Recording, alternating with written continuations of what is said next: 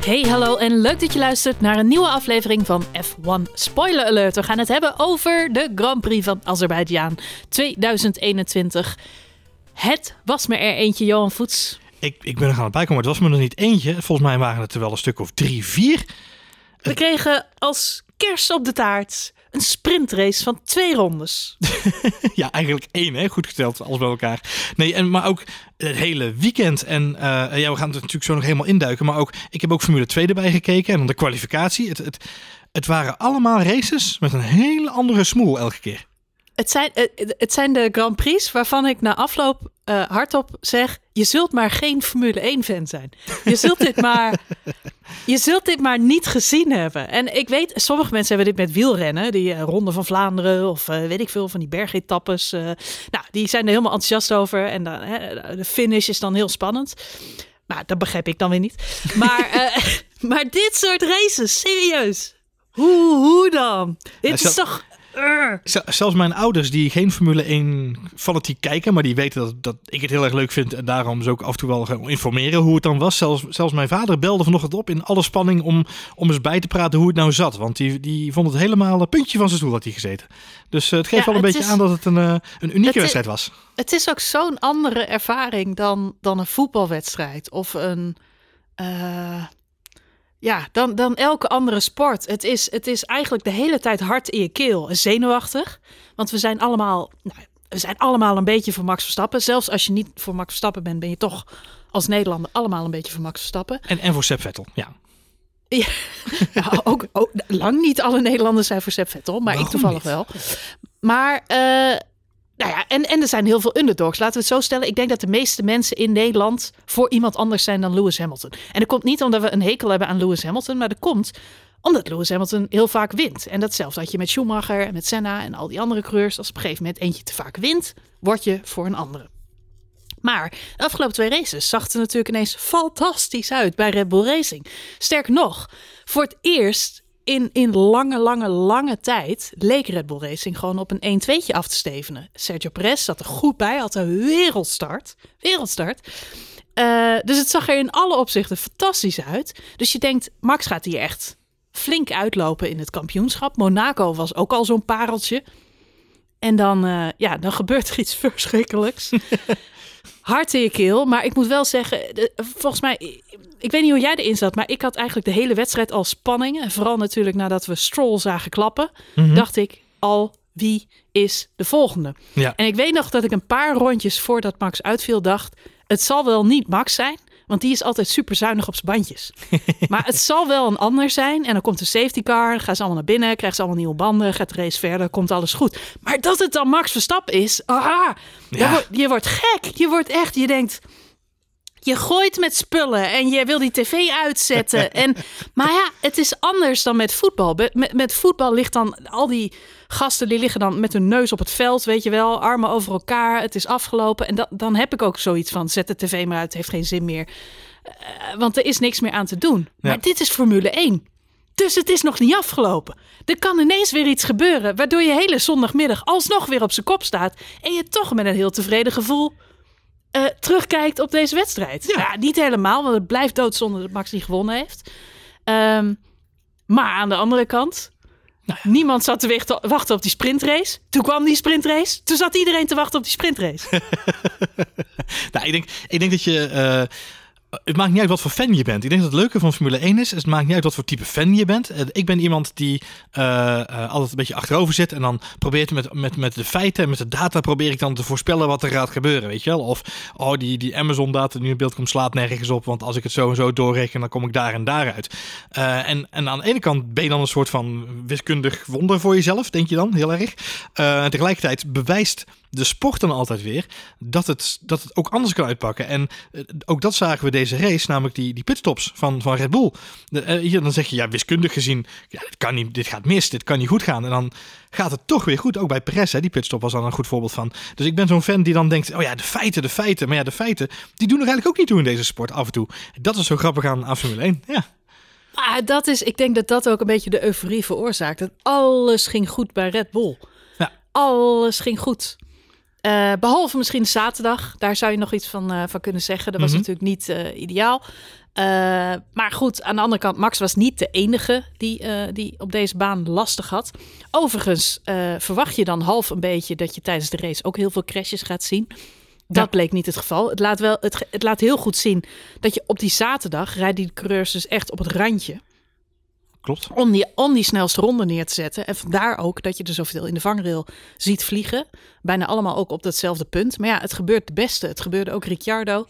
Uh, het gebeurde Max in de vrije training. Ja, um, ja er zijn er toch een hoop uh, die, die moeite hebben. Tijdens de race is dat heel anders. Omdat uh, daar gaat het uiteindelijk ook om banden sparen en de boel voorblijven. Max zei er trouwens zelf ook hè, de afloop. Het was eigenlijk een hele makkelijke overwinning. Ik hoefde niet zoveel te doen. Um, gewoon lekker mijn tempo blijven rijden. Mezelf een beetje aanpassen aan de jongens die achter me zaten. Een beetje uitlopen, een beetje mm -hmm. loskomen, maar niet te ver. Zodat ik goed mijn banden kon sparen. Dus volgens mij zat hij in een heel lekker ritme, heel lekkere pace. Alleen ja, uh, zo'n failure aan de banden. Ja. Dat is natuurlijk wel shocking. ja, ik kan me de woede. Ja, ik kan me de woede van papa uh, Jos en, uh, en Lawrence Stroll hebben we natuurlijk ook gezien. Ik kan, ik kan me beide vaders een beetje voorstellen ja. hoe, uh, hoe link die geweest zullen zijn op, uh, op Pirelli. Ja, zeker. En kan je, kan je één ding vertellen? Pirelli heeft op dit moment Lawrence Stroll, maar misschien nog wel gevaarlijker, Jos Verstappen achter zich aan. Dus uh, die zien hun markt, uh, marktaandeel flink kelderen, denk ik. ik. Ik, denk dat het voor beide, aan beide kanten van dat mes uh, niet heel erg fijn vertoeven is, inderdaad. Nee, ik denk dat, het, dat je je liever alle twee te vriend houdt in plaats van als vijand. en, dat bedoel ik niet alleen, en dat bedoel ik niet alleen de sportieve prestaties hoor. Maar god, alle Jezus, we mogen wel blij zijn dat die jongens er allebei heel huids vanaf zijn gekomen. Ik wou net zeggen, want dit is gewoon, en zeker in het geval van Max, die wat verder op het rechte stuk al zat, 300 plus kilometer per uur, achterkant weg. Uh, bij Lance Stroll hetzelfde, hè? bijna 300 km per uur. Achterkant weg. Ja, dat zijn toch snelheden waarmee je liever niet zo'n muur in gaat. Uh, face first, om zo maar even te zeggen. Jij zei, jij zei wel iets interessants tijdens uh, beide crashes. Want wij dank zien je, Lance Stroll. Ja, dank je. doe je dat, wel eens? Doe ik wel eens, ja. Ja, je ziet Lawrence Stroll maakt echt wel een hele flinke klap. Die, mm -hmm. die tikt nog rond. Die gaat natuurlijk ook die, die betonnen muur in. Ja. Maar je zegt wat interessant is bij Red Bull. je ziet dat de auto meteen in een film mode uh, schiet. Mm -hmm. Op het moment dat het achterbandje klapt, waardoor de auto direct sn snelheid uh, vermindert en de klap van Max uh, een heel stuk minder hard is. Nou, ik weet niet of het, of het uh, al voor de eerste klap was of, of na de eerste, eerste touché met de muur. Maar de auto van, van Red Bull schiet inderdaad uit. Dus je ziet gelijk de lamp ook uitgaan op zijn, uh, op zijn dashboard, of op zijn, op zijn stuur. Uh, daarbij Lance Stroll blijft dat nog wat langer door rammelen. En volgens mij draait die motor zelfs nog op het moment dat hij, dat hij stilvalt. uiteindelijk valt hij dan wel uit. Maar op de een of andere manier leek het alsof die auto inderdaad in een soort van filmmodus sprong. ja, wat volgens mij ook gevoelsmatig voor de crew ook al een fijnere ervaring is onderaan de streep. Ja. Ja, opvallend in elk geval. Uh, kan natuurlijk ook aan uh, Max' ervaring uh, liggen. Het is geen pannenkoek. Uh, ik nee, vond ook de, de... Hij heeft niet de auto uitgeschakeld onderweg, denk ik. Nee. Nee, nee, maar ik vind wel... Ja goed, je kunt meerdere... Dat weet je zelf ook op de snelweg. Als je een klapband hebt, er zijn dingen die je wel en juist niet moet doen op, ja. uh, op zo'n moment. Ja. Dat heeft ook een beetje met intuïtie te maken. Max' intuïtie vind ik in die zin altijd... Uh, goed. Hij is natuurlijk ook wel gewend. Hij zijn na afloop ook. Dit zijn de momenten dat je de autosport een beetje haat. Uh, maar het hoort er helaas bij. Ja. Uh, technische mankementen kunnen ontstaan. En dan ben je zo lekker op weg. Nog vijf rondjes te gaan. Hè. Op het moment dat hij crasht, praat zijn engineer nog tegen hem. Uh, hij komt aanrijden op start-finish. Gaat daar net niet overheen. En zijn engineer zegt net tegen hem nog vijf rondjes te gaan. Ja. Het is echt zo, zo, zo, zo krap voor de finish. Nou ja, dit is, dit is een heel typisch voorbeeld van een sport die... Uh, um, hoe, we hebben het vaak over data en over hoe dingen bepalend zijn in de sport. En uh, 200 sensoren zitten er op zo'n auto. En bij Red Bull hebben ze gewoon geen enkel signaal gekregen dat dit speelde, dat er iets aan de hand was. En ineens zegt die band, die band gewoon klap. En dat was bij Stroll natuurlijk hetzelfde verhaal. 200 sensoren op een auto en die achterband is weg en je race is voorbij. En uh, dan kun je alle data van de wereld hebben. Ja, als het tegen zit, kan het gewoon, is het gewoon einde wedstrijd. En dat maakt deze sport ook zo verschrikkelijk fascinerend. Dat we aan de ene kant, hè, wat ik net al zei, we zijn aan het goochelen met cijfers en feitjes en tijden en rekenen. En aan de andere kant uh, zijn we afhankelijk van fysieke wetten. als er iets kapot gaat, dan, uh, dan is de sport, dan is je race voorbij. Of als je zelf een fout maakt, dan is je wedstrijd ook voorbij. En dat is gewoon echt, dat was echt heel fascinerend dit weekend. Absoluut. Ja. De kans is klein dat we er nog iets van terug horen, denk ik. Nee, dit Uh, gaat in de, in de rubberen doofpot van uh, Pirelli, denk ik inderdaad. Ze hebben natuurlijk al uh, naar buiten gebracht dat ze uh, ook in de band van Lewis Hamilton een, een scheur gevonden hebben van wel liefst 7 centimeter. Die waarschijnlijk veroorzaakt zou zijn door debris op de weg. Dat was gisteravond al gelijk de eerste defense line die naar buiten kwam hè, van, van de baas Mario Isola. Um, en waarop hij vervolgens zei: Ja, maar we gaan natuurlijk nog niks uitsluiten. We gaan alles nu naar Milaan sturen, naar het lab. En dan gaan we onderzoeken. En dan komen we er binnenkort op terug. Nou, en dan tegen die tijd zitten we ergens op Silverstone, denk ik. Dat ze een keer er wat over gaan zeggen. Weet je, dan zijn we het weer vergeten. We weten allemaal hoe het vorig jaar ging op Silverstone met die banden. Uh, wat natuurlijk ook een mispeer was van waar je u tegen zei van Pirelli. Uh, en dat verdween ook uh, onder de mat, om het zo maar te zeggen. Ja, opvallend is vooral natuurlijk dat het bij, uh, wat jij al zegt, bij geen enkel team was er een waarschuwing. We hoorden dit weekend natuurlijk ook uh, een boordradio direct langskomen van uh, Red Bull. volgens mij was Christine Horner zelf. Die, Jonathan Wheatley. Jonathan Wheatley. Nee. De, ja, oh, Jonathan Wheatley van, ja. Die gelijk contact opnam met de wedstrijdleiding en zei, ik snap dat jullie druk zijn, maar even heads up. Wij kregen geen enkele waarschuwing dat die band eraan zou gaan. Nee. Dus je wil waarschijnlijk een rode vlag overwegen, omdat uh, op dit moment elke auto op de baan gevaar loopt ja. met deze band erop. En het, we hadden natuurlijk Stroll al gezien, 1 en 1 is 2. Dus ja, wat ik al zei, de kans is groot dat er vroeg of laat nog een andere auto hetzelfde probleem had gekregen. Ja, ja het verhaal is een beetje nu ook, uh, en dat is ook wat, uh, wat de meeste journalisten en, en ook de coureurs zelf al uh, hebben teruggegeven aan Pirelli. wat ik al zeg, die hadden natuurlijk hun verdedigingsriedeltje al klaar gisteravond direct na de race, toen ze de eerste check hadden gedaan van de banden. Maar wat de coureurs en ook, en ook de journalisten zeggen is, luister, um, één, alle coureurs rijden over dezelfde racelijn. Uh, er zijn daar continu coureurs aan het rijden geweest. Dus als dat debris heeft gelegen, dan is het wel heel frappant dat daar iemand overheen rijdt. Dat hij dan lek rijdt. En uh, dat het de enige is die lek rijdt. Hè, dat het alleen Max Verstappen is. Uh, twee, het is bijzonder opvallend dat het bij alle twee de coureurs de linksachterband is die klapt en, en het begeeft. Um, uh, op hetzelfde stukje debris wat er dan zou moeten liggen. Dat zou heel erg gek zijn. En drie, en dat vind ik, ben ik, vind ik nog de grootste opvallendheid. Het is allebei na 32 rondjes op die band. Dus ja, weet je, de, het zijn net iets te veel uh, factoren bij elkaar opgeteld. Uh, als het een wiskundige berekening zou moeten zijn, om maar even een thema van mezelf te blijven vandaag, ja, dan, dan is het statistisch gezien natuurlijk al hele, hele grote toevalligheid dat daar dan toevallig net in ronde 32 een stukje debris ligt onder de linker achterband van Max Verstappen. Uh, of dat dat inderdaad bij uh, Lance Stroll dan ook precies net daar lag op dat moment na 32 ronden. Dat, ja, ik, ik, we gaan het waarschijnlijk niet meer van terug horen wat je al zei, maar het is wel opvallend dat ze vanuit de wedstrijdleiding besloten hebben, rode vlag en, uh, en de boel wisselen inderdaad. Geef ze de kans maar ja. om te wisselen. En hoe onverwachts het voor beide coureurs kwam, dat, dat merk je, vind ik zelf wel aan alle uh, quotes die zij na afloop geven. Uh, Lance Stroll hoor je echt in zijn auto uh, nou, diep zuchten. Ook meteen de woorden van get me out of here. Weet je, hij wil zo snel mogelijk daar weg. Hij is zich lam geschrokken. Want hoe scary is het als ineens een band, hè, wat, wat je al zegt, meer dan 300 km per uur zit je daar op het rechte stuk. Het begeeft en je daadwerkelijk alleen nog maar passagiers bent dat is ongeveer het engste wat je je kunt voorstellen. Ja, lijkt mij wel inderdaad. Ja, het zag ook niet, uh, zeker bij Stroll niet fijn uit. Nee. Het is voor ons uh, Max Verstappen fans uh, in elk geval wel heel erg jammer dat het uitgerekend bij Max gebeurt. Met name omdat Red Bull in alle opzichten volgens mij zijn beste seizoen, weekend van dit seizoen had. Ik denk het wel inderdaad, ja. ja maar, Alles draaide lekker daar. Ja, maar bij Max was het wel in de vrije training. Hij zei net zelf ook al inderdaad even, was het even nog, nog zoeken. Nog even los van het feit dat hij natuurlijk die auto even tegen de, tegen de muur aan parkeerde in, in bocht 15. Uh, de, de, muur, de nieuwe Wall of Champions, zullen we maar zeggen. um, het, het, het, was een topweekend, absoluut. Uh, met name denk ik aan de andere kant van de, van de garage van Red Bull. Waar ze Sergio Perez gewoon aan de praat kregen dit weekend. En ik denk dat dat uh, een hele grote overwinning is voor Red Bull. even ervan uitgaan dat dat iets is wat ze nu kunnen doorzetten. Max had een wisselvallige training cyclus. Uh, eerste vrije training goed, tweede vrije training weer wat minder. Wat dingetje aangepast, derde vrije training weer een stukje beter. Maar ja, die wedstrijd was gewoon soeverein natuurlijk. Ik bedoel, laten we eerlijk zijn, dat was gewoon uh, van kop tot staart. Uh, Patricia Ward van, van McLaren het Indy team, die zei van hij heeft geen band verkeerd gezet. de afgelopen, afgelopen race. Hij heeft echt alles goed gedaan. En ik denk dat dat zeker, zeker waar is. Ehm, en hetzelfde geldt eigenlijk voor Sergio Perez. Dus ja, ijzersterk weekend van Red Bull, absoluut de nitpickers zullen zeggen, hij uh, crashte inderdaad wel tijdens die vrije training. Ik zelf denk altijd beter tijdens een vrije training dan in de kwalificatie zelf. En ik vond ook wel mooi dat hij na afloop van die, van die kwalificatie dan ook een beetje uh, boos is op al die mensen die aan het crashen zijn tijdens die kwalificatie. dat ik denk dat deed je zelf vanochtend ook nog. Ja. Maar ja, Max ergert zich dan inderdaad echt aan het feit van ja, tijdens een training kan dat nog, maar tijdens kwalificatie moet je het gewoon niet doen. Nee, klopt. Nee, het, zijn dan ook wel de, typische ongevallen die dan in zo'n kwalificatie gebeuren, inderdaad. Uh, met name uh, in de kwalificatie Tsunoda en, en Sainz, die dan verantwoordelijk zijn voor die rode vlag uiteindelijk. Dat zijn natuurlijk hele typische momenten, want Tsunoda had net zijn snelle ronde neergezet. Sainz, die, die, ja, die verliest gewoon de achterkant van zijn auto op de een of andere manier. Ik weet niet hoe hij het voor elkaar kreeg. Uh, maar dat zijn momenten waarop je eigenlijk die auto niet daar tegen de muur aan zou moeten zetten in die fase van de kwalificatie. Maar ik snap zijn frustratie zeker wel. en zeker omdat natuurlijk de zoveelste, nou, de tweede rode vlag achterin vervolgens is in Q3 die een einde maakt aan een mogelijke verbetering voor, eh, voor Max of Charles of andere mensen in dit geval. Ja.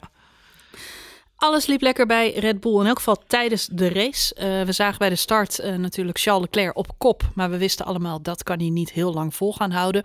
Ik moet zeggen, op zo'n moment vind ik Lewis Hamilton toch altijd wel weer erg goed. Uh, je ziet echt dat hij een paar rondjes aan het kijken is. Hoe rijdt hij zijn lijnen?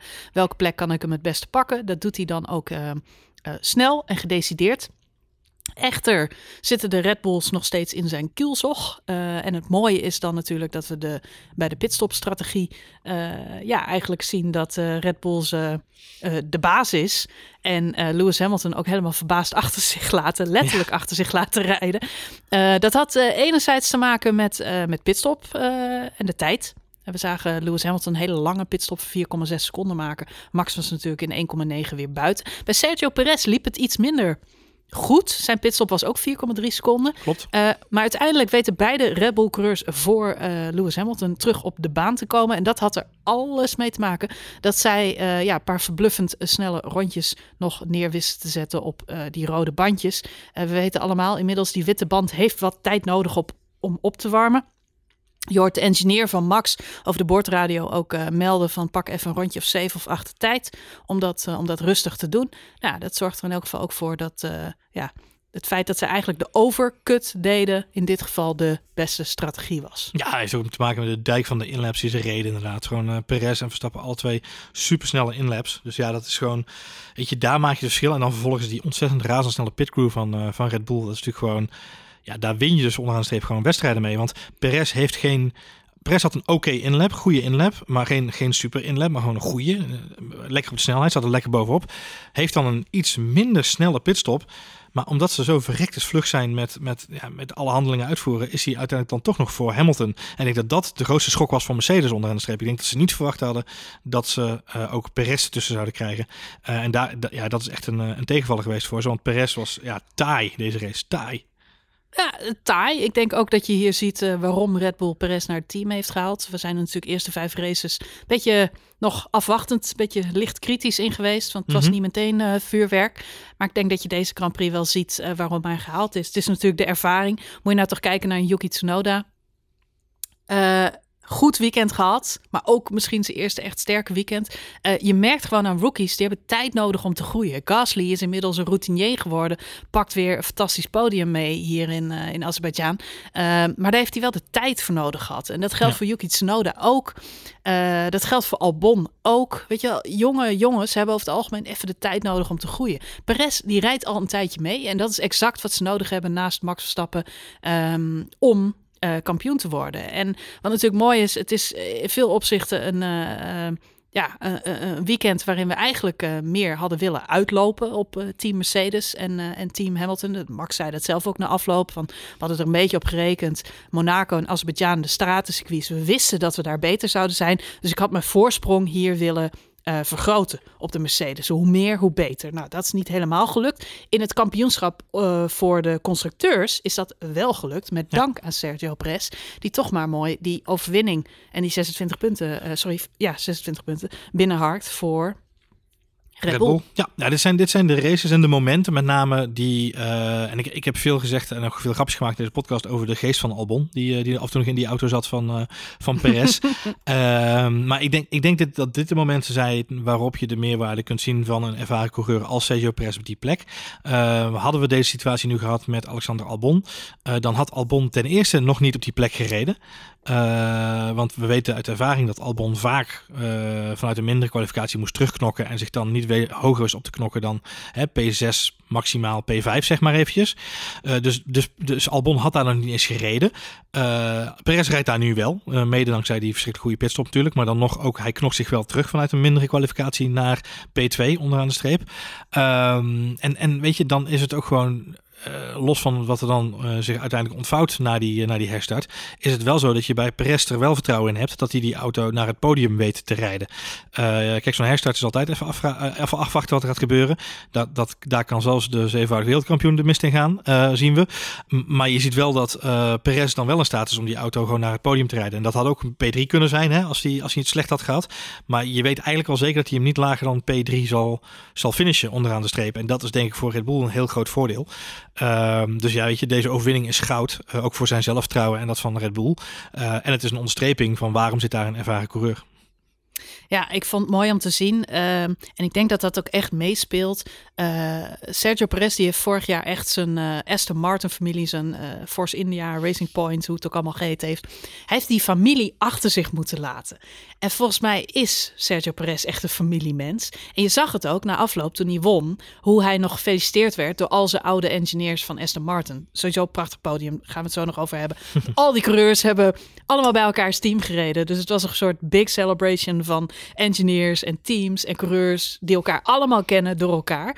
Uh, dus dat maakt het sowieso een heel mooi podium. Maar uh, nee, het mooie vond ik dat, dat Sergio Perez die felicitaties kreeg. Dat hij ook hè, de high five schaf.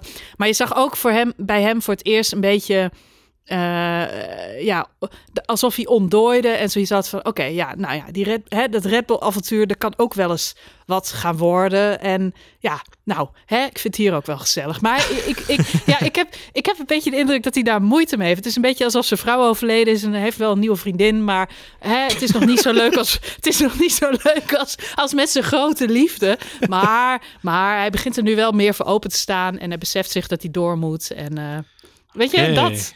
Ja, nee, dat. Ik, het, zou me, het zou me niks verbazen trouwens als uh, Sergio Perez ooit nog weer teruggaat naar Aston Martin. Naar zijn vrouw, het... ja. naar zijn overleden vrouw. nee, ja, of, of een scheiding, weet ik veel. Heel, maar heel, heel is... morbide dit Marjolein. Heel nee, maar voorbeeld. heb jij dat niet? Ik heb dat bij Sergio Perez heel... Hij, volgens mij is hij heel loyaal. En het voelt voor hem een beetje alsof hij nu vreemd gaat bij een ander team. En dat, uh, mm-hmm. dat speelt mee. En, maar ik zag nu voor... Hij staat nu natuurlijk op de eerste plek. Tweede overwinning. Um, uh, je, je kunt nu merken dat hij begint te ontdooien. En, en, uh, maar ja hij, ja. hij, zit wel in een team waar alles om Max Verstappen draait. Dus en ik vond het ook heel mooi. Kijk, die wisselwerking is er ook. Hè. Hij krijgt ook applaus van, uh, van Horner en van Marco. Max Verstappen staat er zelf bij. En het is ook trouwens vriend, vriendschappelijkheid over en weer. Want Perez zegt ook nog ontzettend balen voor Max. En het was eigenlijk zijn overwinning. Dus er is veel wederzijds respect. Mm -hmm, en ik, mm -hmm. ik heb het gevoel dat het ijs begint te smelten. Nou ja, ik, denk, ik ben het wel met je eens. Maar ik weet niet of dat het ijs is wat begint te smelten. Maar gewoon het feit dat hij, dat hij op zijn plek begint te komen. En gewoon dat het een onzekere uh, periode voor hem is geweest. Dat hij zoekende is geweest naar zijn, uh, naar zijn vorm. En dat hij daar nu begint te komen. Ik denk dat dat meer... Uh, ik, weet niet, ik weet niet of, of de driehoeksverhouding met zijn overleden en zijn nieuwe vrouw daar iets mee te maken heeft. Laat ik even in het midden. Ik maar bedoel gewoon dat hij heel veel loyaliteit heeft naar zijn denk, oude team nog. Ik denk wel dat als ze nog scriptschrijvers zoeken bij Drive to Survive, dan zou jou een goede hebben. Ja. Ah, het deed hem echt zeer. Ik weet niet, dat afscheid vorig jaar bij zijn team. Jawel, dat maar was dat echt. Is, maar, maar, dat was pijnlijk. Dat was emotioneel. Hij, dat waren geen, geen, geen, geen smileys van, van, van Ricciardo, die elk jaar een nieuw team heeft. Door bij Ricciardo is het gewoon uh, uh, medewerker van de maand. En uh, we maken allemaal een taartje en een grappig dingetje. En dan zwaaien we hem uit. En dan krijgen we weer een nieuwe medewerker van de maand. Maar bij, bij Sergio Perez zat het echt diep. Jawel, maar dat komt ook op. Kijk, hij heeft daar een heleboel dingen meegemaakt. En, en de manier waarop je uiteindelijk naar buiten gebonjourd is, is natuurlijk niet de meest chique manier ter wereld. Dus uh, daar zit ook gewoon zeer. En, en, en ja, Hoe mooi ik... was het om Vettel en Perez elkaar te zien feliciteren. Ja. En dan met name Vettel naar Perez. Hè? Perez ja. was ook daar een beetje afwachtend. Mm, maar uiteindelijk, uiteindelijk kon hij wel lachen toen hij die knuffel kreeg van Seb Vettel. Jawel, maar dat zou ik ook kunnen als ik een knuffel krijg van Seb Vettel. En als ik gewonnen had. Precies. er was nog een kleine kans, joh. Nog een kleine kans dat Seb Vettel deze race gewonnen had. Ja. Nou, dat was uh, wat je bij de bookmakers helemaal uh, het haasje Ik heb. Seb Vettel, ik denk in lange tijd, niet zo breed zien glimlachen. En Nee. ook lange tijd niet zo blij zien zijn met een tweede plek. En er gaan ook heel veel... Kijk, Sepp is natuurlijk zelf niet op social media actief. Maar er gaan wel heel veel foto's rond dat Sepp nog uitgebreid eh, met zijn trofee gefotografeerd is. En eh, Oh met, ja? een, met een biertje in zijn hand. En met al zijn mechanics Oh, op de foto één voor één. En eh, hij heeft heeft het er ook wel lol even van genomen inderdaad. Ja, hij heeft het wel even van genomen. Ja, Vergeet niet dat hij vorig seizoen nog een podiumpje plek pakte met, eh, met, met Ferrari. met Ferrari. Dus het, ja, was, ja. het was niet zo lang geleden, maar dit deed hem toch meer. Nee, klopt. Zeker dat natuurlijk, omdat hij vanaf een elfde plek gestart is. Hij werd ook driver of the day. En terecht, als je kijkt wat hij gepresteerd heeft onderaan de streep. Eh, een fantastische race gereden gisteren. En, eh, en, en, en opzienbarend dat hij hem eh, daar weet, naartoe weet sturen onderaan de streep. Er waren meer oude rotten die een, een goede dag hadden. Kimi Räikkönen pakte ook mooi een puntje mee. Dat bedoel ik. Fernando, Fernando Alonso lanceerde zichzelf nog naar een zesde plek. Maar daar gaan we het zo nog even over hebben. We moeten eerst even de olifant in de kamer benoemen, noemen. Lewis Hamilton, Oh. Mercedes, Valtteri Bottas. Ja, Ze hadden geen, geen verkleedpakjes aan dit weekend, maar het was toch zo mogelijk nog erger dan op de Nürburgring, Johan Voets. dan, dan is de olifant in de kamer in dit geval Valtteri Bottas. Ehm, qua snelheid. en de, en ja, de- maar zijn auto liep niet, Johan. Zijn auto liep niet. Nee, en dat is gelukkig alleen de schuld van andere mensen. En niet die van Valtteri Bottas zelf, toch? Als, eh, Nee, dit is, dit is niet wat Valtteri Bottas zelf heeft gezegd. Dit is wat Toto Wolff heeft gezegd. Ja. En vorige Grand Prix had hij een pitstop van 36 uur. Dus dat kon hij ook niks aan doen. Nee, is grappig. Toto Wolff die heeft eh, eh, voor beide coureurs heeft hij, eh, heeft hij de, de, heeft hij ze in de beschermende houding genomen. Hè? Hij heeft bij Sky Sports heeft hij ook gezegd, Lewis Hamilton die natuurlijk fout maakt bij de herstart, heeft hij gezegd, nee nee, Lewis Hamilton maakt geen fouten.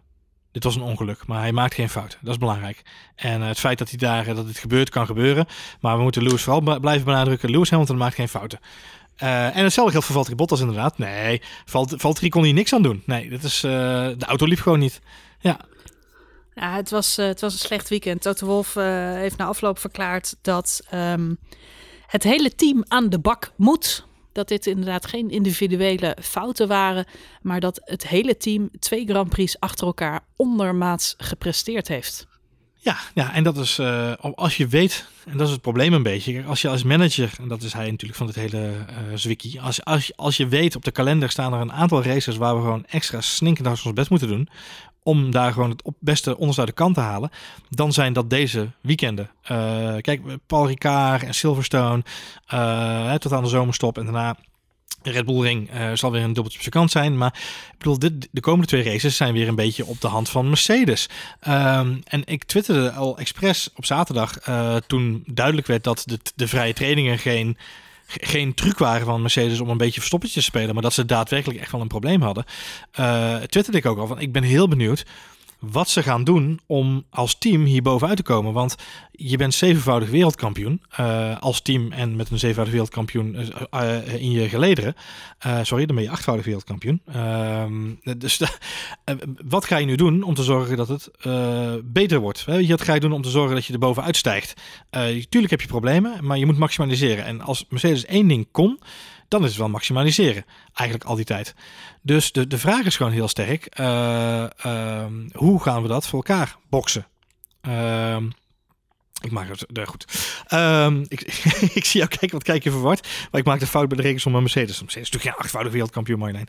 Ehm, maar ze, ze, ze komen er eh, niet bovenop. En, en dat geeft aan dat er in dat team eh, wat speelt. Er zit wat niet lekker. Want als jij eh Nederlands elftal bent en je speelt geen 5-3-2, of je bent eh, Ajax en je speelt eh, droomvoetbal in de Champions League, of je bent een andere club die heel goed voetbalt, die niet Ajax is, omdat de mensen zijn die niet voor Ajax zijn in deze podcast. Maar als je in een flow zit met z'n allen, dan, dan heb je hobbels, maar die overkom je met z'n allen. En Mercedes kwam niet over deze hobbel heen dit weekend. En dat vond ik zo frappant aan het hele weekend om te zien. En Toto Wolff is dan boos en gefrustreerd. En dat is hij omdat hij van zijn team mag verwachten dat ze zich over deze hobbel heen zetten en het maximale eruit weten te halen.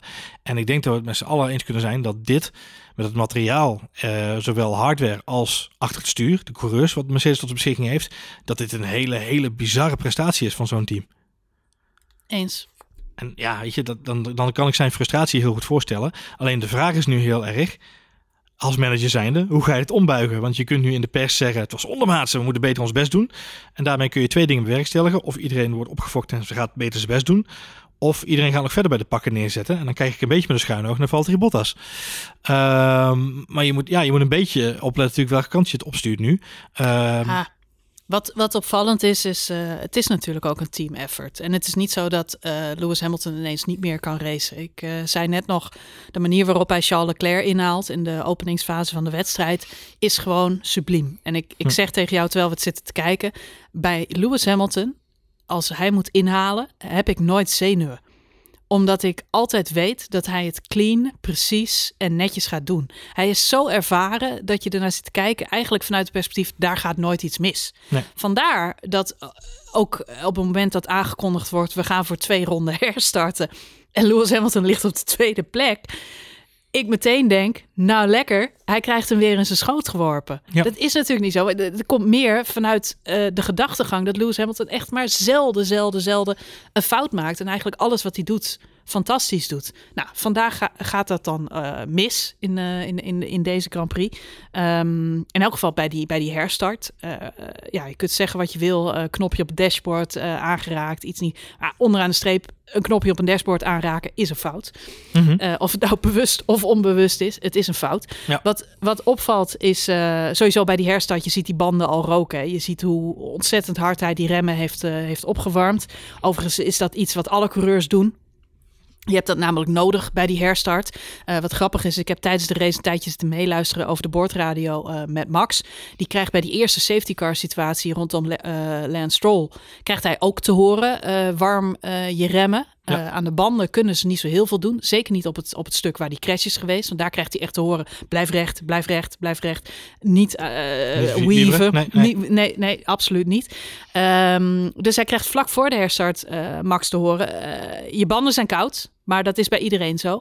Uh, en hij krijgt ook tips over hoe hij zijn remmen moet opwarmen. En hij vraagt ook nog van hoe doe ik dat? Uh, met andere woorden, er zijn verschillende manieren om die remmen op de een of andere manier goed te krijgen. Uh, dus hij krijgt er wat tips voor hoe hij dat precies moet doen. Om er maar voor te zorgen dat zijn remmen precies goed zijn opgewarmd. Nou, wat opvalt is dat Lewis dat niet gedaan heeft. Want hij maakt eigenlijk een veel betere start uh, dan Sergio Perez. Uh, we zagen de bui al hangen en je ziet hem in de praktijk, want hij is er gewoon vandoor en hij had hem gewoon kunnen hebben. Ja. Waren het niet, waren het niet dat ze remmen het niet doen en hij gewoon daar rechtdoor schiet en als 16e moet aansluiten.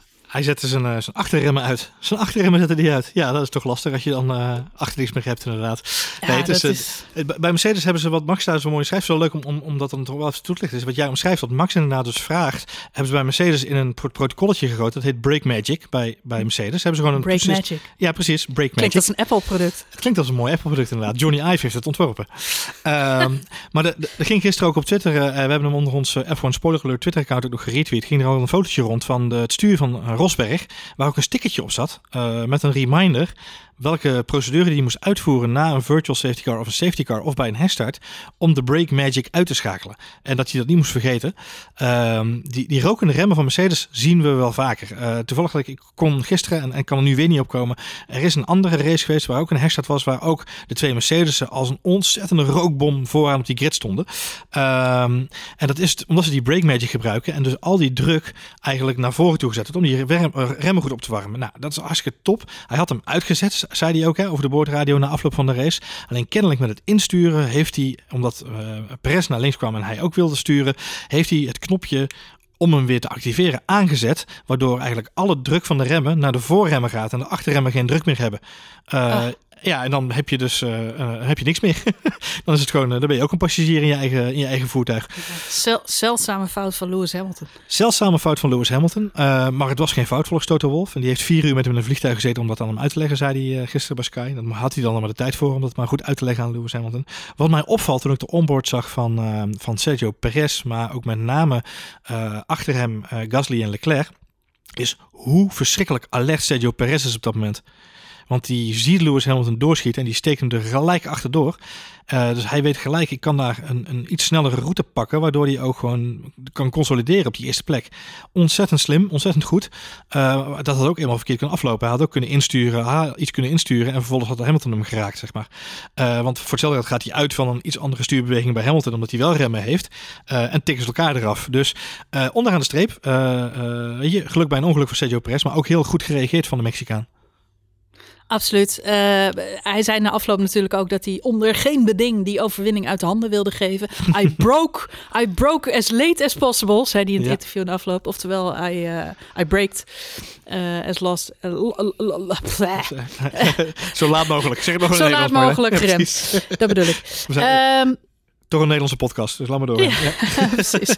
Maar uh, nee, ja goed. En het kan natuurlijk ook, en dat zagen we uh, bij meerdere gevechten op de baan, dat het stuivertje wisselen was geworden. Want je kunt wel aan de, aan de goede kant zitten en een bocht, maar we, hè, we zagen het later bij Gasly en Leclerc, die mm -hmm. gewoon elkaar steeds om en om voorbij staken. En degene die net het, uh, ja, het beste uit een bocht komt, kan hem toch weer terugpakken. Dus het had echt nog wel een gevecht kunnen worden tussen, tussen die twee. Uh, maar waren het niet dat, uh, dat Hamilton zichzelf daar eigenlijk buitenspel zet. En daar zal hij erg van gebaald hebben. Ik zag na afloop nog een interview met hem langskomen. En nou ja, die man die kon je wegdragen. Die, ja, uh, die ja, zag het leven ja. niet meer zitten. Dus dat was uh, bijzonder sneu. We weten allemaal hoe Emo Lewis kan zijn bij de overwinningen. Maar ja, ook bij de teleurstellingen. En nou, maar dus even op... de vraag hoe die hier uitkomt. Want het waren wel twee races op rij waar die uh, toch zichtbaar aangedaan het circuit uh, verlaat. Dus uh, zijn, zijn, ja, zijn mentale gesteldheid zal nu toch wel een rol gaan spelen. Hoe gaat hij hiermee om? Hoe komt hij hier weer bovenop? Nou ja, je moet, je moet de maken. Hè? Lewis Hamilton heeft, even, even vanuit coureurs bekeken, Lewis Hamilton heeft zich na afloop van Monaco natuurlijk verschrikkelijk laten gaan voor, de, nou, voor zijn doen verschrikkelijk laten gaan voor de microfoons van de, van de pers ten opzichte van Mercedes. Hè, dat mhm. ze het daar uh, vergooid hebben en dat het uh, geen maat had wat er gebeurd was. Dat er goed naar gekeken moest worden. En hupse, hupse, hupse, hupse, flups. Daar heeft hij zich donderdag bij de pers in, in Baku gelijk voor verontschuldigd. Want dat was toch allemaal wel veel te heftig qua taal. Wat er daar gebezigd werd. Uh, en nu vervolgens, om het maar even in Olaf Olsen, uh, Olaf woorden te zeggen, flikt hij het zelf in het putje. Uh, in de laatste bocht, of in de laatste ronde van, van de race, waar hij hem had kunnen pakken. en, en gooit hij het zelf allemaal over de schutting. En dat is gewoon, ja, mentaal gezien een behoorlijke domper. dat is twee keer dat je jezelf heel klein zou willen maken, denk ik, onderaan de streep. de eerste keer omdat je zelf een te grote mond hebt gehad en je realiseert dat dat misschien iets te veel van het goede was. en je dat natuurlijk ook vanuit het team wel te horen zult hebben gekregen. Uh, het zal heus niet zo zijn dat Lewis Hamilton daar niet uh, enige repliek op heeft gehad binnen het team van Mercedes. Um, en dan ten tweede dat je het dus zo in de wedstrijd vergooit. Uh, dus dat is een hele heftige. Tel daar erbij bovenop, en dat geldt voor Toto Wolff en het team Mercedes als een team in het geheel, dat Mercedes de afgelopen weken behoorlijk hoog van de toren geblazen heeft rondom uh, de, flexi winggate, hè, de, de, de buigbare achtervleugels, de mentale spelletjes naar Red Bull toe. Ze hebben zich behoorlijk bezig gehouden met allerlei praktijken, behalve het racen. En ik zei het nog na Monaco. Uh, laat dit dan de race zijn waarop het hopelijk afgelopen is met alle uh, woordspelletjes en mentale spelletjes van Mercedes en ook Red Bull. Maar met name Mercedes die dat toch al aan het opzoeken waren. Buiten het asfalt, hè, buiten de racetrack. Laat ze zich vooral gaan bezighouden met racen in plaats van de slap gelul eromheen. Om het spannend te willen maken en, en met elkaar proberen uit de tent te lokken. Nou, dat hebben ze niet gedaan. Want ze hebben deze week alsnog gewoon uh, lopen backvechten. Vooral Horner en, en Wolf samen. ja, die volgens Verstappen en Hamilton kunnen ze beter samen in de boxring gaan staan. Um, Weet je, voor Mercedes is dit gewoon een dubbele domper in dat opzicht. Ze hebben zich behoorlijk in de voet geschoten. En ze zullen ja, best wel eventjes hopelijk een stapje terug gaan doen nu. ook in hun verbale geweld. Het is een uh, gevleugeld uh, mantra bij ons uh, in huis en ook in het bedrijf. Focus op je eigen wedstrijd. En ik denk dat dat een wijze les is die ja, Mercedes inderdaad op dit moment wel te harte zou kunnen nemen.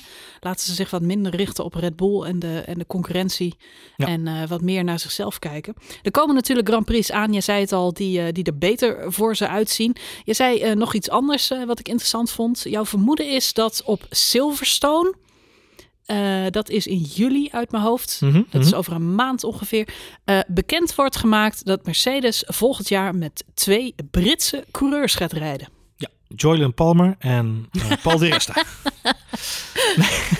nee, jouw, nee, gevoel, ik... jouw gevoel is nu ook dat Bottas al ik, ontslagbriefje.doc heeft ja, ontvangen. defontslagbrief.doc. Deze moet je hebben, uitroepteken. Deze versie is het. Uh, ik denk dat, dat uh, hij zijn ontslagbriefje heeft gekregen, inderdaad. In ieder geval te horen heeft gekregen dat ze niet met hem doorgaan volgend jaar.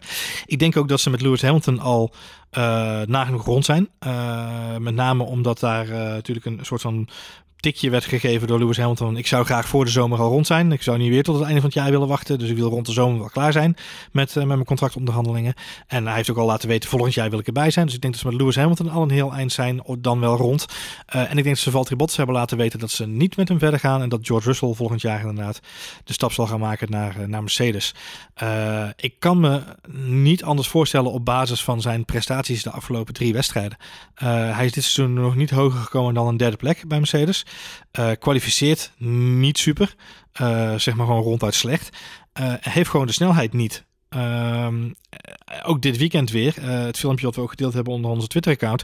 Hij verliest in zes bochten vier plekken. Ze halen hem aan alle kanten in. Het is alsof je naar iemand zit te kijken in Mario Kart, die, die even een verkenningsrondje doet, terwijl de rest van het spel al begonnen is.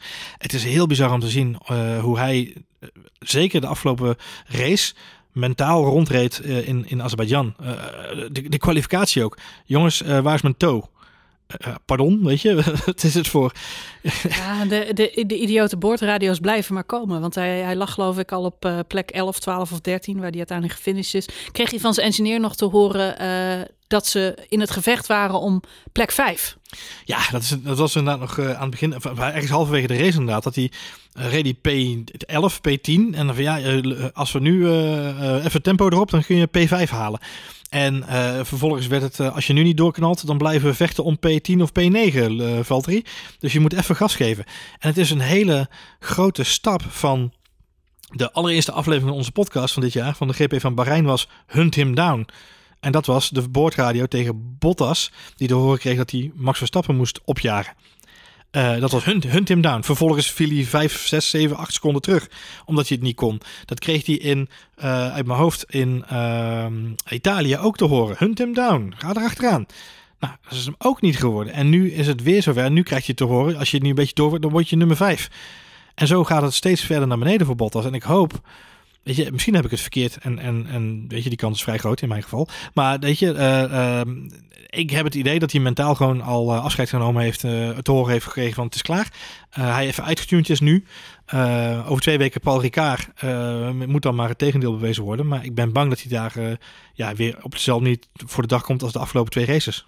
Nou, met name omdat elk punt voor Lewis Hamilton nu ook echt gaat eh, tellen. We hebben het al vaker uh, uitgesproken met de kans dat Bottas überhaupt nog een race gaat winnen. Um, of voor Lewis Hamilton gaat eindigen dit seizoen is nihil.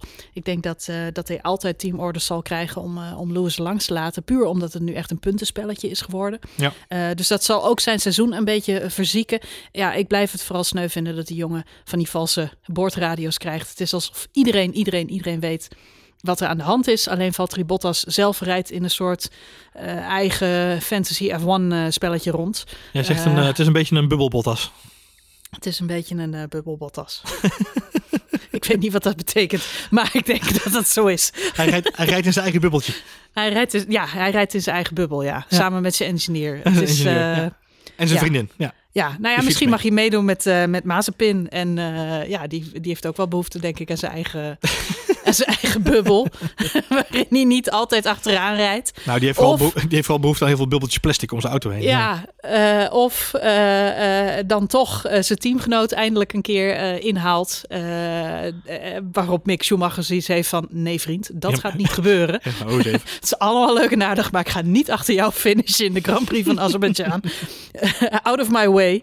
En, en, en, en Mazepin nog bijna zijn, zijn teamgenoot lanceert. Nou, dus, dat is wel echt bizar, hè? Echt ja, dat was een momentje. Goed. George Russell had trouwens ook een goed weekend en zat weer in, aan de staart van, van diezelfde Valtteri Bottas. Ja. Dus we hadden bijna nog een, een mooie herhaling van ja, de battle tussen die twee coureurs kunnen, kunnen zien. Maar ja. spannend werd het uiteindelijk niet.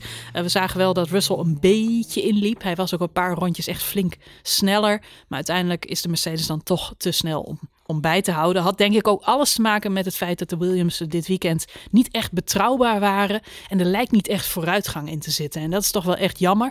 Uh, zeker in zo'n race uh, als dit weekend, waarin eigenlijk van alles gebeurt, is Williams dan toch niet thuis. En um, zoals Max goed verwoordde, dit zijn een beetje de gekke races. Vorig seizoen zaten ze ook, uh, ook Monaco zat er natuurlijk niet bij. Uh, maar het zijn de gekke races in een Formule 1 seizoen. Uh, ja, die ervoor zorgen dat andere coureurs een keer een kans hebben om uit te blinken. We zagen ja. het ook bij de Ferraris, die wederom na Monaco hier gewoon een goed weekend hadden. En dan met name Charles Leclerc, die natuurlijk pole position pakte. Carlos Sainz had het zien der ogen moeilijker. Uh, misschien toch te gretig, misschien niet helemaal zijn baantje. Um, ja, die liet het toch een beetje afweten, uh, vond ik zelf. Maar Charles Leclerc had een goed weekend. mijn verwachting is wel dat, ja, gaan we dit doortrekken de rest van het seizoen? Die kans acht ik niet zo groot. Nee, voor Ferrari zijn dit ook de plekken geweest waar inderdaad de uitzondering uh, de regel bevestigt, denk ik. Uh, een beetje zoals Red Bull dat natuurlijk ook uh, jarenlang heeft gehad. De, de straatcircuits, uh, daar is waar ze het moeten doen. dat hebben ze nu ook wel laten zien. Wat je gewoon heel erg sterk ziet, is dat zodra de... kijk, Baku is een beetje een combinatie van... zeker dit weekend had ik heel erg het gevoel... De kwalificatie was Monaco, met al die rare hotse, flotse begonia botsingen die erin zaten en gekke momenten. Een groot deel van de race is Barcelona alleen dan met inhaalmogelijkheden. Omdat er niet zo heel veel spanning in zit. Er zijn, er zijn wel wat momentjes, maar in principe kunnen ze overal, weet je, ze kunnen veel makkelijker inhalen hier. Dus het groot deel van de race was gewoon eigenlijk soort Barcelona, alleen dan met een paar inhaalacties op, in de DRS-gebieden. Uh, en het laatste stuk van de race was dan weer een beetje classic well done Baku. Uh, met uh, allerlei gekke momenten en, en zo'n sprintrace van twee rondes. Um, en in die, in die stukken waarin het dan gaat over, zo maar even zeggen, Barcelona, hè, waarbij het dan gaat om gewoon echt racen, race pace en, en stabiele rondjes rijden. Ja, dan zie je dat de Ferrari gewoon toch verder weg naar achter gezakt. Um, overigens, Charles Leclerc raakt zijn koppositie kwijt vanwege die tak, die Guido van der Garde ook heel scherp zag in de nabeschouwing. Heeft Charles Leclerc ook gezegd in de persconferentie achteraf. Uh, ik zag die tak daar komen. Ik was natuurlijk al in die bocht uh, gecrashed uh, in de trainingen. Dus ik had zoiets van, oh, oh, even opletten wat hier nu gebeurt. Dus ik ging daar van mijn gas af, begon een beetje te wobbelen. En vervolgens had Hamilton inderdaad een veel betere exit. Kon hij me daar veel makkelijker pakken dan dat normaal gesproken misschien de bedoeling was geweest. Desalniettemin had Ferrari natuurlijk de race pace niet gehad om Hamilton en Verstappen achter hem te houden, denk ik. hoe goed Charles Leclerc ook kan verdedigen. Maar je ziet wel dat Leclerc aan het einde van de race op een paar nieuwe softs dan toch wel weer de Alfa Tauri lastig kan maken van Pierre Gasly. Um, dus de, de, het stratencircuit en, en de, de, het type circuit waar we nu geweest zijn, Monaco en, en Baku, ligt de Ferrari gewoon goed. Um, volgende, het volgende race, of twee weken, Paul Ricard, zal een ander verhaal worden voor Ferrari helaas. En, en dat is jammer. Maar geldt ook een beetje voor Alfa Tauri, ben ik bang. want het haalt wel een beetje de joie de vivre weg van, deze, van dit weekend. Van, de, van, de podia, van het podium wat we gezien nou, hebben. We zeiden het net al. Het, het, je, je realiseert je dat een Grand Prix van Baku en uh, uh, Monaco natuurlijk ook echt niet misstaan in de Formule 1 uh, kalender. We hebben ze vorig jaar echt gemist. Ik kijk echt tien keer liever naar Baku dan naar Spanje of naar Sochi. Ja. Ja, eens. Ja, vooral Sochi inderdaad, ja. ja vooral ja. de afwisseling. En, en dat is niet omdat ik... Uh, kijk, ik besef me dat dit uh, lastig kijken is. En misschien was het ook een beetje apart om nu twee van die stratencircuits direct achter elkaar uh, te zien.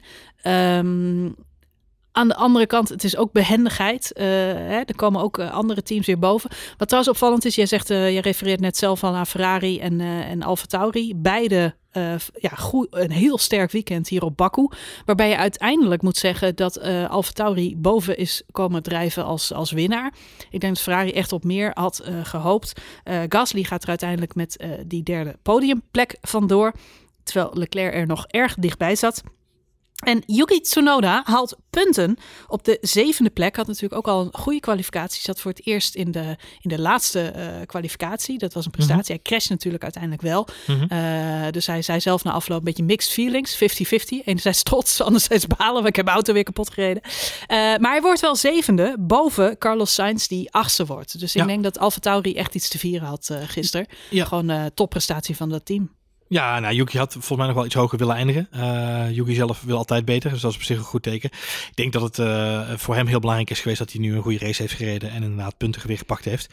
Nou, uh, ik denk dat hij, ik denk dat hij toch wel zijn meerdere moest erkennen in Fernando Alonso. En als ja. Japanner zal hij toch ook wel een beetje trots zijn geweest dat hij werd ingehaald door een van zijn jeugdhelden. Ja, maar goed, aan de andere kant wist hij hem in Baku of in Bahrein achter hem te houden. Dus ja, ja spanning ah, en sensatie. Fernando Alonso. Je weet nooit wanneer ja, je nooit, komt kijken. Ik kreeg, ik kreeg vandaag uh, de media debrief van, uh, van Alpine binnen. Uh, die kreeg, sturen keurig altijd na de race een, een, mooie media debrief. En daarvan was de titel Magic Fernando. Dubbele punt. Magic Fernando. En dan dubbele punt. En dan ben ik even de rest van de nieuwsbrief kop vergeten. Maar Het is genoeg. Magic, Magic Fernando. That's the tweet. Ja, Ja, precies. het is weer wat anders dan Break Magic bij Mercedes. Ja. Dat, breaking, breaking point in een nieuwe Formule 1 game. Ja. het was weer falend. Maar goed, eh, nee, ja, dan eh, eh, de, de, de top 10 nog even snel doornemen. Charles Leclerc, we zeiden het net al, werd vierde. Achter Pierre Gasly, die een mooi podium pakte. En natuurlijk Seb Vettel. Lando Norris en McLaren dan nog even in het kort. Ik denk dat die echt op meer hadden gehoopt hier in, in Baku. Zeker na die podiumplek in, in Monaco. Eh, ja, zullen zij toch een beetje balen. Juist omdat, omdat dit de races zijn waarin alles kan gebeuren, kun je net even wat meer punten meeplakken. Eh Lennon Norris raakt nu ook zijn derde plek in het kampioenschap kwijt. Ja. Hij kwam na afloop toch een beetje beteuterd op mij over. Ja, maar dat is ook wel logisch, want het was niet zijn weekend onderaan de streep. En eh, eh, op het moment dat het voor hem zijn weekend niet is, dan is het dat voor Daniel Ricciardo automatisch ook niet, helaas. Eh, want op de een of andere manier is toch de prestatie van McLaren redelijk eh, opgehangen nu op dit moment aan Lando Norris. En presteert Lando Norris goed, dan gaat Ricciardo mee in dat kielzog. Is mijn gevoel een beetje de laatste paar wedstrijden. Eh, behalve Monaco, als uitzondering op de regel, denk ik dan.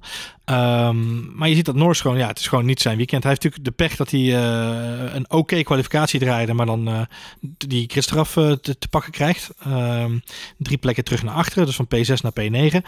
Ja, dat is toch vervelend op zo'n op zo'n circuit als Baku, dat je toch drie plekken zomaar verliest al, voordat je überhaupt begonnen bent.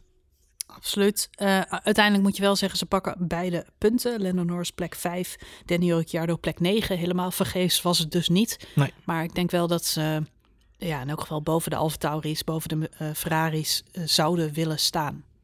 Ja, ik denk dat dat de doelstelling van McLaren is En dit seizoen. Dat, ja, eh, dat lukt dan toch net niet. Dus dat Nee. is jammer. Eh, Kimi Räikkönen, we zeiden het net al even, een verrassende Kimi. tiende plek. Pakt wederom een puntje. Giovinazzi vist net naast de punten en wordt elfde. Ja, zonde. hè? En toch zit er wel vooruitgang in bij Alfa Romeo. Ja, ja, maar dat is het verschil. We hadden het net al even over Williams en over eh, de achterhoede van het veld. Waarin jij terecht opmerkt dat er bij Williams geen vooruitgang in lijkt te zitten. Ik heb nu heel af en toe het gevoel dat het misschien wel komt omdat er een nieuwe investeerder achter zit. Die gewoon met de blik naar voren zit. Dus die gewoon vanuit de investering kijkt. Waar moet ik mijn geld instoppen? Dat is niet in dit seizoen. Want we hebben dezelfde auto als vorig jaar. Volgend jaar komt er een gewoon hele grote verandering aan. Dus daar moeten we onze centjes, eh, kunnen ons beter onze pijlen daarop richten. Eh, meer dan bij andere teams zit daar een afgewogen businessmodel achter natuurlijk tegenwoordig bij Williams. Dus het zou me niet verbazen als inderdaad alle R&D resources gewoon nu eh, gefocust zijn op 2022 in plaats van eh, eh, dit jaar. Ehm, en dat ze daarom ook dit jaar misschien wat minder lekker presteren onderaan de streep. Wat jammer is. Bij Alfa Romeo daarentegen, ja, daarin hebben ze is te veel aan gelegen om wel een lekker seizoen te draaien. Te zorgen dat ze de punten pakken. De kosten zo laag mogelijk kunnen houden vanuit de prijzenpot natuurlijk gespekt. En met het oog op de aflopende samenwerking met Alfa Romeo, ja, zoveel mogelijk positieve PR pakken en zorgen dat ze of een nieuwe sponsor vinden, of Alfa Romeo nog weten te overtuigen om nog een jaartje of anderhalf, twee door te gaan. Dus dat is Eens. positief. Eens. Nou goed, en eh, Williams en Haas hadden we het al over gehad. Eh, jammer is dat daar eh, ja, gewoon weinig vooruitgang in zit. De Williams kampte ook weer met betrouwbaarheidsissues. Russell weet uiteindelijk de race niet eens te finishen. Haalt de herstart niet. En ook Latifi heeft op het laatst nog problemen. Dus teleurstellend. En bij Haas, ja, daar hoeven we het niet eens over te hebben. Haas. Nee. Haas. Goed, dan nog eh, als afsluiter, Johan, even heel kort over die herstart. Want daar was veel om te doen. Ehm, Max Verstappen, weten we allemaal, crasht in een rondje 46, moet ik Ja. zeggen. Want hij crasht vlak voor de start-finish. Hij krijgt van zijn engineer te horen nog vijf rondjes. Maar hij haalt de finish niet. Dus hij zit officieel nog in rondje 46. Dat veroorzaakt direct een eh, gele vlag, moet ik zeggen. In eh, ronde 47 op het moment dat Perez en Hamilton achter hem dus de finish passeren. Ja. En niet lang daarna, eh, ronde 48, dus dat is als ze de tweede keer langs eh Max komen rijden, Ja. eh, wordt er gelijk een rode vlag gegeven. Dus er wordt nog één eh, volle ronde gereden en daarna zien we een rode vlag. Dan is het lange tijd stil. Drie kwartier lang zit iedereen zich af te vragen, wat gaan we doen? Oude Formule 1 fans, zoals ik zelf, denken alleen nog maar aan de 75% regel. Eh, die houdt in als er meer dan driekwart van een Grand Prix gereden is. Of als we over de twee uur gaan eh, met de duur van een Grand Prix. Wordt deze door de bank genomen gestaakt. Met andere Ja. woorden, dan gaat er geen herstart meer plaatsvinden voor die laatste twee rondjes. Echter, wat besluit de wedstrijdleiding om toch te herstarten? En dan moet ik mij meerdere erkennen, in dit geval in Romain Grosjean. die ons allemaal met de neus op de feiten wist uh, te drukken. Er schijnt namelijk een kleine regelverandering te zijn geweest. Uh, één of twee jaar geleden merkte hij op. Waarin staat dat er in principe altijd een herstart van de Grand Prix is. Als er geen reden is om niet te herstarten. Klopt. En dat is uiteindelijk de reden dat wij naar een sprintrace van twee rondjes zitten te kijken. Wat natuurlijk wel een beetje gek is. Ja. Zeker met een staande start. Ja, ja, eens. Het was een grote verrassing voor iedereen. En uiteindelijk pakt het goed uit. Maar ik was niet de enige die zich op Twitter behoorlijk uh, ja, uitsprak over het feit dat het toch wel een beetje idioot is om uh, een herstart te doen. En dat zit met name in het feit dat er uh, tijdens die rode vlagsituatie, in, staan alle auto's in de pitstraat, mogen er eigenlijk pitstops uitgevoerd worden aan die auto's. Dat betekent nieuwe bandjes. We zien bij Lewis Hamilton een nieuwe neus. Uh, dit had natuurlijk ook met de veiligheid te maken. Zoals Red Bull al aangaf, je moet nieuwe banden onderleggen. Um, ja, opvallend uh, dat we toch, uh, toch herstarten. Jij zei nog even, je had nog even opgezocht in de, in de, in de regels. Um, hadden ze afgevlacht, dan hadden ze officieel één ronde terug in de tijd moeten gaan. Mhm. Mm -hmm. En dat officieel als uitslag van de wedstrijd moeten nemen. Ja. Nou denk je, dat had dan kunnen betekenen dat Max Verstappen alsnog gewonnen had. Maar dat was dus niet zo, omdat hij net voor start-finish stil is gevallen. En dat betekent dat hij in ronde 46 stil viel, ronde 48 rode vlag, ronde 47 Perez aan de leiding. Ja. Dus dat was ook nog een, uh, ja, misschien hebben ze dat ook willen vermijden. Wat denk jij? Nou ja, ik denk dat ze die discussie hebben willen vermijden inderdaad. Ja. Want dat had een Ja. hele hoop uh, uh, meer problemen opgeleverd. Maar ik denk niet dat dat uh, heel erg meegegaan is in de gedachtegang van Michael Masi, om eerlijk te zijn. Ik denk dat hij gekeken heeft naar het ongeluk, gezien heeft dat, er een, uh, dat het opgeruimd kon worden, dat er ruimte was om te herstarten. Uh, en zoals Olaf Mol ook al tijdens de uitzending zei, de Formule 1 wil eigenlijk altijd wel gewoon dat er een geblokte vlag kan zwaaien. Uh, dus de, de, reden zal zijn geweest, we willen een geblokte vlag, we willen gewoon zorgen dat we kunnen afvlaggen. Dus laten we het maar op deze manier oplossen. Ja. Nou ja, goed. Uiteindelijk bleek het... Hm? voor, voor Red Bull uiteindelijk de beste uitkomst, ja. Voor Red Bull uiteindelijk de beste uitkomst. Ik denk ook voor Max Verstappen en al zijn fans. Ja, uh, de beste uitkomst. Uh, want uiteindelijk kunnen we zeggen dat dit voor de titelstrijd misschien wel het meest eerlijke is. Max valt uit door een kapotte band. Lewis valt uit door een dashboard, schakelaartje. Ja. En magic door, breaks. Door, door zijn magic breaks, ja. It's magic, Martijn. It's magic. breaks. Laten we Azerbeidzjan gauw achter ons laten. We gaan door naar de volgende race. Die zal zijn op Paul Ricard. Dat is 20 juni. Dan zitten we al bijna tegen de zomervakantie aan. Het belooft een hele mooie zomer te worden. Met nog heel veel spannende races. De titelstrijd ligt helemaal open. Uh, er gebeurt genoeg. Dus uh, ik heb er zin in. Hebben zin aan. We hebben er ook drie achter elkaar dan, toch? Of twee ja, achter elkaar. Het is nu uh, volgens mij... We gaan weer weer naar de triple headers, double headers. Vol, volgens mij was het nu zo dat we er drie achter elkaar krijgen. Namelijk Paul Ricard en dan twee keer... Oostenrijk. Oostenrijk, ja. En dan Silverstone, ja. Wauw. Ik heb dus. er zin in. En ook nog EK. Woe! Dus dat betekent veel uh, honing met uh, thee met honing drinken, Marjolein, om de stembanden warm te houden. Ja, gaan we doen. Heel erg bedankt voor het luisteren. Heel graag tot de volgende aflevering van F1 Spoiler Alert.